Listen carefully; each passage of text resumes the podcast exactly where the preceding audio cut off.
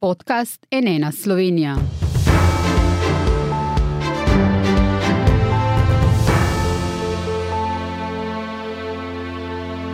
Dobar dan, to je NN studio. Zakaj se ne znamo več obnašati, smo se sploh kdaj znali?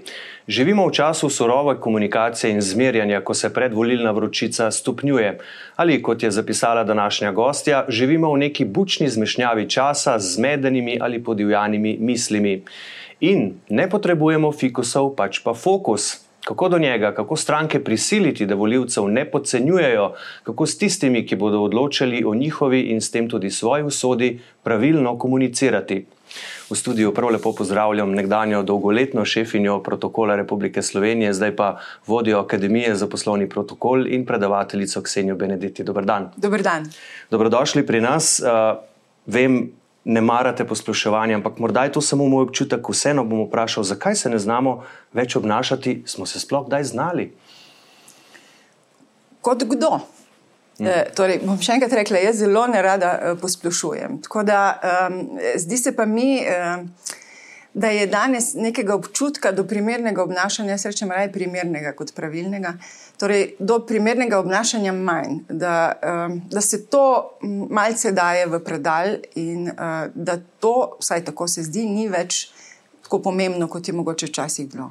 Je na to morda odločilno vplivala epidemija, ko smo bili uh, precej sami, smo bili doma v svojih mehurčkih, nismo se toliko ukvarjali z drugimi ljudmi, je mogoče zato ta občutek primerne komunikacije zbledel? Je to morda razlog?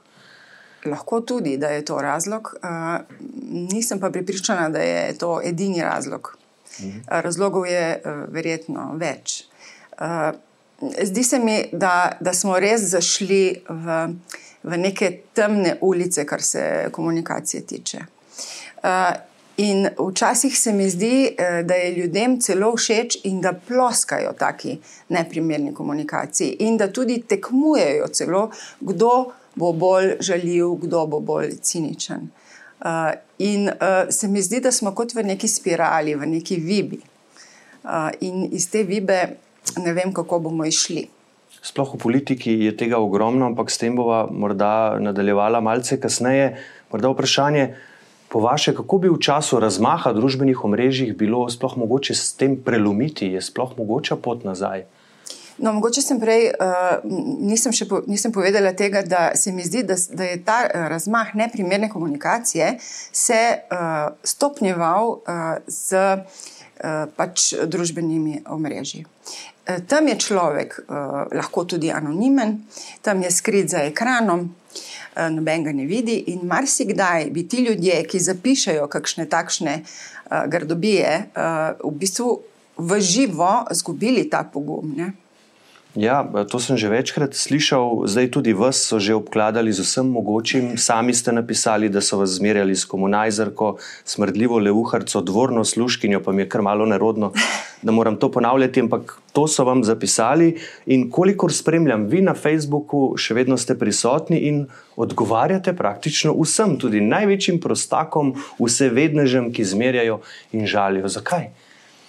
Zato, ravno včeraj se, sem se o tem pogovarjala, zato ker jaz še vedno imam nekje neko upanje, da ljudje, ki zapišajo nek tak komentar, ko dobijo nek primeren odgovor, da, mogoče, da se jim bo ta ne, pogled mogoče malček, malček razširil. Zdaj, ne odgovarjam čisto vsem, kar, kar bi potem bila cele dneve na, na Facebooku, uh, ampak to upanje še vedno imam in ne boste verjeli. Pogosto se tudi zgodi, da ti ljudje, s katerimi se zapletem, mogoče potem v kakšne komentarje, v bistvu umirijo to svojo komunikacijo. Tako da se mi ne zdi to ravno za manj. Aha, torej, ko vidite nek rezultat, vam v bistvu to daje neko energijo, da še vedno ustrajate s tem. Ne? Ker včasih se mi zdi, če se s takšnimi ljudmi pogovarjaš in z njimi ukvarjaš, ne dosežeš prav dosti, ne? mislim, redko. No, uh, vedno mi seveda ne uspe, ampak res se potrudim, da mi uspe. In ne tako, da, se, uh, da znižam svoj nivo, kvečemo, da ga zvišam. Uh -huh. uh, tako da ja, sem, sem prav zadovoljna, kadar mi uspe, in na koncu je že v redu to, da si rečemo, ok, se strinjamo, da se ne strinjamo. Ne? Ampak na nek določen način, na nekem določenem nivoju se je pa treba pogovarjati. Ne? Ampak na Twitterju pa niste več. Pa sej v resnici, kakšna je pa razlika? Ne? Sej vidimo zelo podobne stvari in na enem in na drugem omrežju, Facebook, Twitter. E, meni se zdi, da je Facebook malo bolj blag. Mogoče tudi zato, ker se tam objavlja še kaj drugega kot vem, politika, medtem ko Twitter, Twitter je res surov. In jaz sem na svoji lastni koži občutila, kako surov je. Mm, ko so na nek moj tweet, ki je bil iz mojega pogleda nedolžen in v bistvu konstruktivna kritika, kako se je potem usulo. Govorite o tweetu Žanu Mahniču, državnemu sekretarju za nacionalno varnost? Uh, ja, tu, tudi. Uh, tudi gospodu Toninu. Uh mhm. -huh. Ni bil gospod Tonin, ki je tako komuniciral, so bili drugi. In se spomnim, takrat se je usulo name, kar naenkrat, kot da bi nekdo pritisnil na gumb so se začeli valiti uh, ti komentarji. Uh mhm. -huh. Jaz mislim, da je to tudi zato, ker je pač na tej uh, sceni družbenih omrežij zelo veliko astroturfinga, to je teh lažnih profilov, uh, ki pač se trudijo ustvarjati neko, neko mnenje. Ne? In potem, seveda, zgleda, da ne vem, nekdo, ki napiše nek žaljiv tweet in ima potem tam 200 nekih všečkov. Ne? Da, da je pa to v redu. S tem, da od teh 200 všečkov je mogoče vem, 30 realnih ljudi, vse ostalo so pa uh, pač uh, neke, neki umetni profili, ki imajo prav to nalogo, da to počnejo. In to je danes uh, celo nekaj običajnega, ne samo v politiki, tudi v gospodarstvu se to počne. Ne? Najemajo se PR agencije za to, da pač ustvarjajo uh, ta lažna mnenja ko predavate poslovnežem in drugim glede komunikacije, glede protokola, kaj jim svetujete glede uporabe družbenih omrežij? Da naj bodo tam ali ne, kako, kaj naj pišejo? Ja, pogledajte, danes sploh v gospodarstvu, pač na družbenih omrežjih, moraš biti. Uh, brez tega žal ne gre. Uh, ampak vedno je treba resno razmisliti, kaj tam objavite zelo resno razmisliti in mogoče prespati, ne objavljati, ko ste vem, jezni, ko ste, tudi ko ste žalostni, rajši ne. Uh -huh. uh, temeljito razmisliti, uh, kaj objavite. Mnogim je bilo žal, da so nekaj napisali. In potem so seveda brisali za nazaj. Uh, ja, ampak, ko enkrat objaviš na spletu, je ostane tam, seveda. Ja, ja. sploh, če kdo naredi posnetek zaslona in ja. potem to izkorišča, to prostaštvo, ki ga lahko beremo, vidimo pri politikih v zadnjem času. Zanima me, dolga leta ste bili z njimi, jih spremljali na vseh mogočih pogovorih, sestankih, srečanjih. So to prostaštvo, ta mreža v bistvu zdaj samo odstrla, pa je bilo prisotno že prej, oziroma koliko ste vi to vrstnega obnašanja doživeli v svoji prejšnji službi? Nič. Uh mhm. -huh. Jaz ga nisem doživela nič. Tako da jaz res zelo veliko krivdo pripisujem uh, družbenim omrežjem. Zelo veliko. In kaj se potem zgodi? Nekdo objavi nek tak uh, tweet ne? in potem mediji pač uh, povzamete, ker včasih je recimo Twitter. Edini vir nekih informacij, in potem pač vzamete tisto, kar, kar nekdo tam objavi. Problem je v tem, da danes več ne veste, komu verjeti in komu ne. Danes je zelo težko, uh, kako bi rekla, vedeti, kdo je res verodostojen in kdo ne. Ogromno je teh laži, zavajanj, težko je. Težko je tudi vam, medijem, v bistvu. Ja, tu je vendarle treba pojasniti, da mi se seveda trudimo od politikov dobiti kakšne odgovore na naše vprašanje, ampak pogosto dobimo, no, pri nekaterih, ne, kot odgovor samo tweet ali povezavo do tvita ali pa enostavno nič. Ne? In potem vzamemo tisto, kar imamo na voljo, kar vendarle v kakšnem tvitu pa je tudi kaj vsebine, kaj, kaj je, kar je pomembnega za državljane. Ne? Torej, tu je pač nek precep. Ja, jaz ne vidim eh, težave v tem, da je tvit postal eno izmed zelo pomembnih orodij uh, komuniciranja, neposrednega komuniciranja uh, z javnostmi. V tem ne vidim težave. Uh, vidim pa težavo v tem, na kakšen način se tam komunicira. Uh mhm. -huh. To pa je težava. In mogoče, če bi pa spremenili ta način komunikacije, bi bilo pa to čisto v redu. Bomo, bomo videli, čeprav dvomim, da, da bomo dobili to priložnost, kaj k malu. Uh, enkrat ste tudi zapisali v eni od svojih kolumn: Dialog nista dva monologa. Uh, čemu ste bili priča pogosteje v svoji karierni poti v politikih? Dialogih, dialogom ali monologom? Ma, oboje je bilo. Moram vas popraviti, da moja karijera ni bila v politiki. Jaz sem delala ob, ob politikih. Ob politikih tako, pa, ja, ja. Uh, tako da ob, oboje je bilo. Uh, ampak moram reči, da jaz imam veliko dobrih izkušenj z politiki, za katere sem delala, z obeh strani. Imam veliko dobrih izkušenj. Tako da ne morem uh, zdaj reči, da so bili neki veliki problemi. Včasih je nekdo na nekateri stvari pač ustrajal, včasih je nekdo malo bolj posegal v naše delo, tudi v stroko. Takrat smo se poskušali braniti, ampak načeloma nekih, nekih hudih, hudih problemov pa nisem imela. Uh -huh. uh, tisti, ki se ki zelo veliko govori o dialogu, je predsednik republike Borod Pahor. On to vse čas ponavlja v obeh svojih mandatih doslej. In enkrat ste dejali, da je on pri protokolu poseben. V kakšnem smislu? ja, on je v bistvu. Eh, spremenil neke določene ceremonijale, in na začetku nam je to povzročilo zelo veliko težav. Recimo, on je bil tisti, ki je želel, da se sprejem z vojaškimi častmi, z gardo slovenske vojske, na mesto pred predsedniško palačo, uh, zgodi na, na kongresnem uh mhm. -huh. trgu. Ne? In to je bil zelo velik organizacijski zalogaj. Jaz sem godrnjala in jamela se kot predsednik, le, to je treba tam cesto zapreti, graje, to je nekaj čist drugega, dovoljenja in tako naprej. In je on ustrajal. In potem, ko smo prvič to naredili na kongresnem trgu, sem rekla, predsednik, imel si prav. Ampak zakaj je on pri tem tako, tako ustrajal? Je, je imel kakšen argument ali želim, da je pač tam? Ne, jaz mislim, da je, da je imel dobre namene, ne? da je pač tisti prostor pred predsedniško palačo manj primeren kot ta na kongresnem trgu, ki je veličasten. In več ljudi tudi lahko pride, ko so normalni časi, ko ni epidemije. Ja. No, ljudi seveda zanima, ne, kako pridejo kakšni tuji državniki, ta, ta, ta ceremonija, to, te stvari ljudi zanimajo. Katere pa so bile, morda, če se spomnite, vem, da ne boste šli po imenih, ampak najbolj nemogoče, celo bizarne ideje, ki so jih imeli politiki glede protokola. Uh, Mene je najbolj zmotilo takrat, ko so uh, spremenjali kakšen sedežni red, ki je bil uh mhm. -huh. pripravljen protokolarno in po vseh pravilih, zaradi kakšne nečimernosti, zaradi politike. In to me je v bistvu najbolj, najbolj motilo. Uh mhm.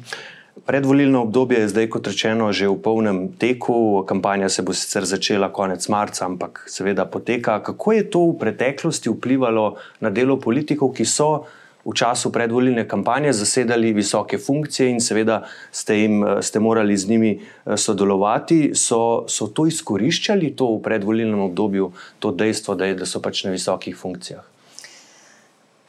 E, veste kako? Takrat je bilo veliko več dogodkov, kot jih je bilo prej. E, to se je mhm. opazilo. Takrat je bilo tudi več obiskov iz tujine v Sloveniji, kot jih je bilo v nekih običajnih časih. Tako da vsak politik, politik in s tem v bistvu se mi ne zdi nič slabega, je želel uh, pač delati na svoji pojavnosti uh, in, uh, in pač tudi preko, preko protokola oziroma preko protokolarnih dogodkov. Uh, tako da to smo čutili, uh, kaj drugega pa pa ne. Kaj pa prerivanja za govore? Videli smo zdaj zadnji, morda tak odmevnejši primer je bil, ko predsednik državnega zbora Igor Zorčič ni želel priti na proslavo.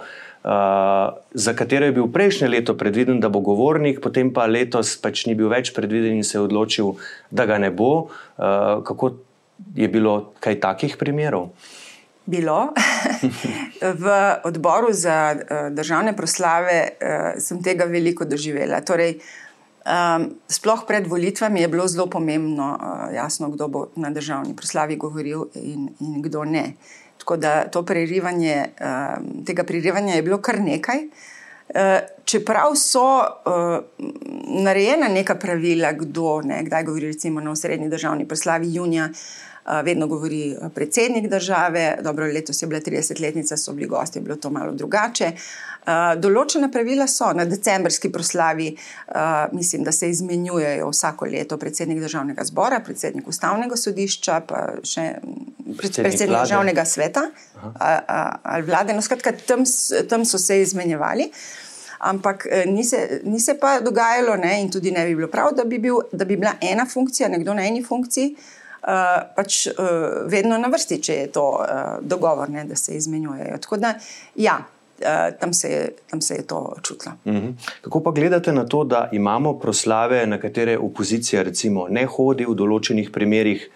Zlasti v preteklosti, ko trenutna oblast je bila v opoziciji, smo imeli tudi tako imenovane usporedne proslave, torej tudi pri praznovanjih se delimo. Kako velika težava je to za protokol? Za protokol to ni težava, uh, je pa to uh, za državo neprimerno da se delajo eh, dve, eh, tri različne uh, proslave.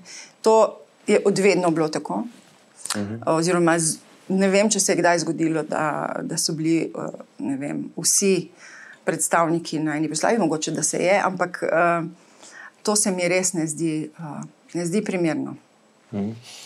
-huh. Kako pa ven iz tega? Mislim, nekdo bo enkrat moral pač priti, a ne reči, vsi smo slovenci, vsi praznujemo ta čudovit dan in enostavno priti na proslavo. Pač nekdo bo moral zbrati pogum in presekati, pozabiti na vse to, kar je bilo in reči, praznujmo, veselimo se skupaj. To ne bo dovolj. Mhm. Zato, ker s tem se morajo strinjati vsi. Uh, potem je tukaj, seveda, še uh, lahko problem osebina proslave. Uh mhm. -huh ki jo mogoče kdo iz druge politične strani težko uh, sprejme. Ne. Zato jaz sem bila vedno zagovornica, da proslave morajo biti uh, programsko take, uh, da čim manj ljudi v, v programu najde nekaj spornega. Uh mhm. -huh. to, to sem se res vedno trudila, ni mi vedno uspelo. Uh, zato, ker uh, to bi recimo že bil mogoče en korak naprej, da bi, da bi delali tak program, ki bi bil uh, v redu za vse. Čeprav nikoli ne bo vedno v redu za vse. Eh, pri proslavah so se vedno trla mnenja, po proslavah sem vedno imela telefonskih klicev zelo veliko, od tega, kje je kdo sedel, uh, do tega, kakšen program je bil. Tako da ne vem, če bo v bližnji prihodnosti uh, kako drugače, bi bilo pa fajn, da bi bilo drugače. Ne? Ja, kritični ste in ste bili tudi do tega, da so državne proslave v zadnjih dveh letih v rokah vedno istega dvojca, ker je pač, tu vas citiram, ker je pač zanesljiv in v programu umešča izključno oblastnikom všečno vsebino na nivoju srednjih šol. Spomnim se, ko ste mi pred nekaj leti razlagali, da ste imeli v protokolu za dogodke vedno pripravljen plan A, B, C, Č, D in tako naprej, ampak tu se zdi, da obstaja samo plan A. Zakaj je to po vaše problematično? No, jaz sem govorila o organizacijskih ABCD, tako da to, to je bilo to, ne mhm. toliko o, o programskih. Uh, jaz mislim, da je dobro, da se uh, pač program nekih proslav daje pač različnim uh, ljudem, uh, različnim režiserjem, različnim uh, scenografom. Tako da uh, tukaj bi kar uh, ustrajala, da, da bi bilo dobro, da je to uh, tako. Uh -huh. uh, Vi sicer od političnih strank pričakujete zelo konkretne programe, doslej ste v njih, ko ste jih šli prebirati, ne, ste prebirali stavke, kot potrebno bi bilo zagotoviti, je treba, prizadevali si bomo, to bomo naredili čim prej, ali pa ko bodo okoliščine to dopuščale, ob tem dobivate pike, pravite. Ne, uh, zato pričakujete jasne odgovore, kaj, kako in dokdaj. Ja. Ampak, ko mi politike vprašamo, zakaj v koalicijski pogodbi potem, ko se dogovorijo, ni datumov, rečejo, da ja, pri nas imamo koalicijske vlade, to je naporno, smo različne stranke, prioritete so različne, moramo iskati kompromise. Kaj, če se zalomi, težko je stvari datumsko opredeliti, sploh ko je stanje. Zatečeno. Ampak ti odgovori vas ne prepričajo. Zakaj ne? ne? Mene sploh po volitvah, ko se podpisuje koalici, koalicijska pogodba, Ne, tam se pač ve, kdo bo v vladi in tam se lahko napišejo roki in se lahko zelo konkretno napiše, kaj bo kdo dokdaj naredil. Zelo konkretno. Torej, pred volitvami je to težko, ker pač imamo tak sistem, da ne, se koalicije sestavljajo po volitvah. Ne. Ampak, ko se pa koalicijska pogodba enkrat podpiše, tam pa se mi ne zdi, uh, da je kaj veliko prostora za take iz, uh, izgovore, kot ste jih zdaj našteli. Mhm. Postavili ste jim tudi nekaj vprašajev in klicajev, zakaj gre, če lahko morda tu malo uh, več poveste o tem? Ne, pisala sem v svoji kolumni o tem, uh, o, če, o, o čem morajo razmišljati ljudje, ki se bodo podali v politiko in ki bodo kandidirali. Uh, in teh točk je, mislim, da bilo tam 13. 13. uh, ampak se mi zdi, da to so pač osnove, o katerih morajo uh, ljudje razmišljati. Ne. Ena je recimo ta, uh, Uh, eno vprašanje je bilo to, ali boste sprejeli amantma druge strani, če bo dobro za ljudi, ali ga ne boste, zato ker ni vaš. Uh -huh. ali boste delovali v javno dobro ali v svoje dobro. Ali boste glasovali po svoji vesti, ali tako, kot vam bo naročil šef, šefinja stranke. Ne? Pa pričakujete, da boste kakšne odgovore dobili? Ne, zakaj? Si, ni, to ni bil namen uh, te kolumne. Ampak jaz upam, da, da jo bojo ljudje, oziroma tisti, ki so, so na kandidatnih listih, uh, vsaj prebrali. Ampak to, kar govorite, me spominja na enega od najbolj znanih citatov iz stripov Alana Forda: ne? Mi nič ne obljubljamo in to izpolnjujemo. Se torej pri nas dogaja to? Be, jaz upam, da ne. Uh, jaz, jaz res upam, da bodo tokrat stranke resno razmislile. Jaz tudi mislim, da e, recimo ta e, pobuda, glas ljudstva, ne, temi, uh mhm. -huh. oni imajo zelo konkretno vprašanje, na katere pričakujejo zelo konkretne odgovore. In to se mi zdi zelo v redu, čeprav nekateri so jih pohodili, ne vem zakaj. Uh, Ker to, eh, te pobude, ki so jih oni tam našteli, niso leve, niso desne, so pomembne za, za ljudi in za našo družbo. Ne? In spomnim se, govoril sem s predstavniki političnih strank, ki so dejansko šle odgovarjati, kar nekaj jih je, ja. predvsem iz opozicije, ki so šle odgovarjati na ta vprašanja. Veliko jih je in so imeli blazno težavo, ker, bile, ker sta bila možna odgovora samo dva, da ali ne. Ja, ne? In uh, dejansko so imeli tu, uh, zakaj imajo tako. Zakaj so to tako težke odločitve? Jaz mislim, da jim je težko uh, dajati obljube. Ker uh -huh. pol ljudje rečejo, rekli ste, da boste to naredili, in niste, in potegnejo iz predala te njihove obljube, nekoč. Ne? In so spet in se noče, In potem se nočejo vezati, ker lažje se je ne vezati. Ne? In, eh, in pa reči, vse smo rekli, da uh, bomo, če bomo lahko, ali pa kdaj oni tudi skomignajo. Reče, oprostite, res to se ni dalo, pač tako je, pač tako je. Ne? Ali pa recimo dajo eh, zavezo, v zavezo napišejo čim prej, na to sem res alergična. Čim prej ne pomeni nič. Čim prej je za me jutri, za vas čez dva tedna, za nekoga čez dve leti. Čim prej ne pomeni nič. Enako ne pomeni nič, takoj, ko bom lahko. Treba v bistvu... je nasloviti, treba, je, ne, treba se je pogovarjati o tem. Te... Ja. Ampak obstaja vendarle, gospa Benedeti, velika nevarnost, da bodo v kampanji vsebino spet zameglila medsebojna obračunavanja, kaj je kdo rekel, kaj je kdo tvitnil, kdo s kom ne bi šel v vlado. Ne? Tudi tega v bistvu pred volitvami pri nas v zadnjih letih poslušamo zelo veliko. Zakaj politiki menijo, da lahko s tem dosežejo več? Uh, ne vem zakaj. Jaz mislim, da je itak premalo podarka na vsebini, na splošno in da je preveč tega obmetavanja. Ne? Eh, razumem pa, da recimo kakšna nasprotna stran kdaj potegne ven točno to, rekli ste, da boste to naredili in tega niste naredili. Uh mhm. -huh. To se mi zdi eh, v redu, da se, da se tudi te, te stvari eh, pove. Uh, ampak, uh, kot sem rekla na začetku, jaz, jaz bi res uh, pričakovala, oziroma upam, da bodo ta soočenja vezana na vsebine in ne na obmetavanje, ne na cinizem, ne na žalitve. Uh, ker to, kar zdaj zadnje čase gledam, to je res. Uh, mi je žal, da se v Sloveniji to dogaja. No. Mm. Pa opažate, da se kaj takega, ne, nekateri pravijo, ja, pa se svetu je v primežu epidemije, pandemije, pa se posod so ljudje živčni, nervozni, posod imajo ljudje dovolj. Jaz mislim, da so to samo izgovori in da se v vsakem primeru da primerno komunicirati. Mm. V vsakem primeru. Neželjivo, spoštljivo, eh, tudi do tistih, ki ne mislijo enako kot vi. Mm. Ko gledate predvoljena soočanja, se pogosto jezite? Ja. ja, ker vem, da vam tudi vaš mož Boris Kavaca učita, da se preveč jezite, vam še to učita. Ja, mi očita, mislim, jaz tako zelo na glas tudi doma komentiram. Uh -huh. um, ampak eh, ja, me gane to. Jaz ne morem kar pogledati stran in zamahniti z roko. Meni se zdijo to pomembne stvari.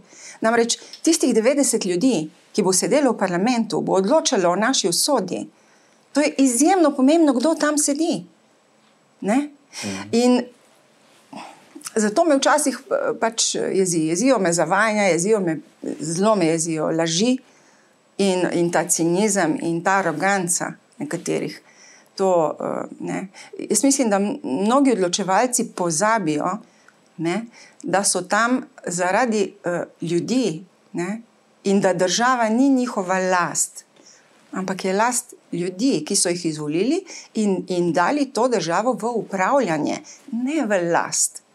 In mi bomo v imenu teh ljudi postavljali jasno vprašanja, upali, da na njih dobimo odgovore. Če jih ne bomo, bomo pri tem ustrajali. Za vas pa upam in si želim, da se boste čim manj jezili. Hvala lepa. Hvala za povabilo in srečno pri teh predvolilnih srečanjih. Srečno. Hvala in vse dobro. Vse dobro. Hvala pa tudi vam za vašo pozornost. Seveda spremljajte nas še naprej na nnainfo.si tudi v času predvolilne vročice iz studija. Pa le še lepo zdrav in nasvidenje.